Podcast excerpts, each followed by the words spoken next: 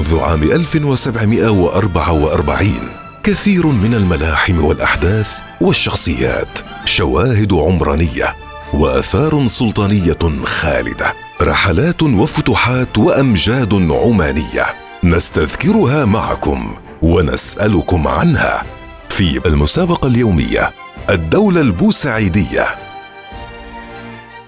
السلام عليكم ورحمة الله وبركاته. أهلا بكم مستمعينا الكرام. مدينة استنجدت بالإمام أحمد بن سعيد لفك الحصار عنها في عام 1775 البصرة هي المدينة التي استنجدت بالإمام أحمد بن سعيد لفك الحصار الفارسي عنها في عام 1775 للميلاد. هذه الحادثة التاريخية توضح أن العلاقة بين عمان والدولة العثمانية كانت علاقة تحالف على أساس التعاون المشترك وتبادل المصالح في إدارة المنطقة وازدادت متانة العلاقة بين الطرفين في عهد الدولة البوسعيدية لا سيما في المجالين السياسي والاقتصادي نتيجة نمو العلاقات التجارية بين مسقط والبصرة ووجود تحد مشترك بين الطرفين تمثل في الدولة الفارسية والتوسع الوهابي فيما بعد.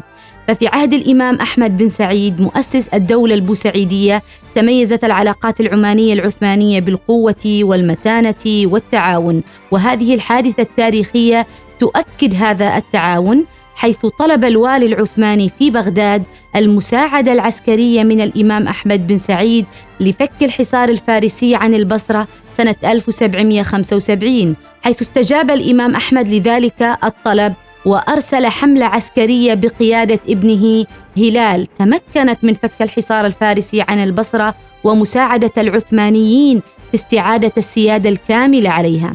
ونتيجة لذلك الدور الكبير الذي قام به الأسطول العماني والخدمة التي قدموها للدولة العثمانية أرسل السلطان العثماني عبد الحميد الأول رسالة شكر للإمام أحمد بن سعيد. على مساعدته في فك الحصار عن البصرة وتخصيص مكافأة مالية سنوية للعمانيين. كما قدم السلطان العثماني اعتذاره عن تصرفات مصطفى باشا والي البصرة السابق غير اللائقة مع السيد هلال ابن الإمام أحمد ورد الإمام أحمد برسالة للسلطان العثماني ابدى فيها استعداده الدائم لتقديم المساعدة الممكنة للدولة العثمانية وحرصه على استمرار الصداقة بينهما. واستمرت المراسلات والعلاقات الودية بين الدولة العثمانية والإمام أحمد بن سعيد.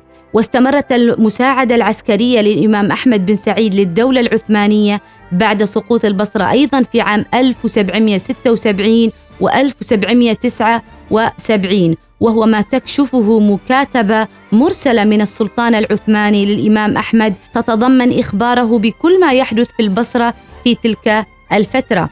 كما أن السلطان العثماني عندما أراد عقد صلح مع الفرس كان حريصا على إبلاغ الإمام أحمد بذلك فكان رد الإمام أن الصلح خير للجميع ولا يوجد خلاف عليه وإذا رأى السلطان بأن ذلك في صالح المسلمين فنحن معه.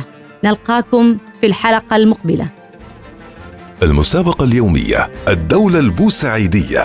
مسابقة الدولة البوسعيدية. مع الدكتورة أحلام الجهورية.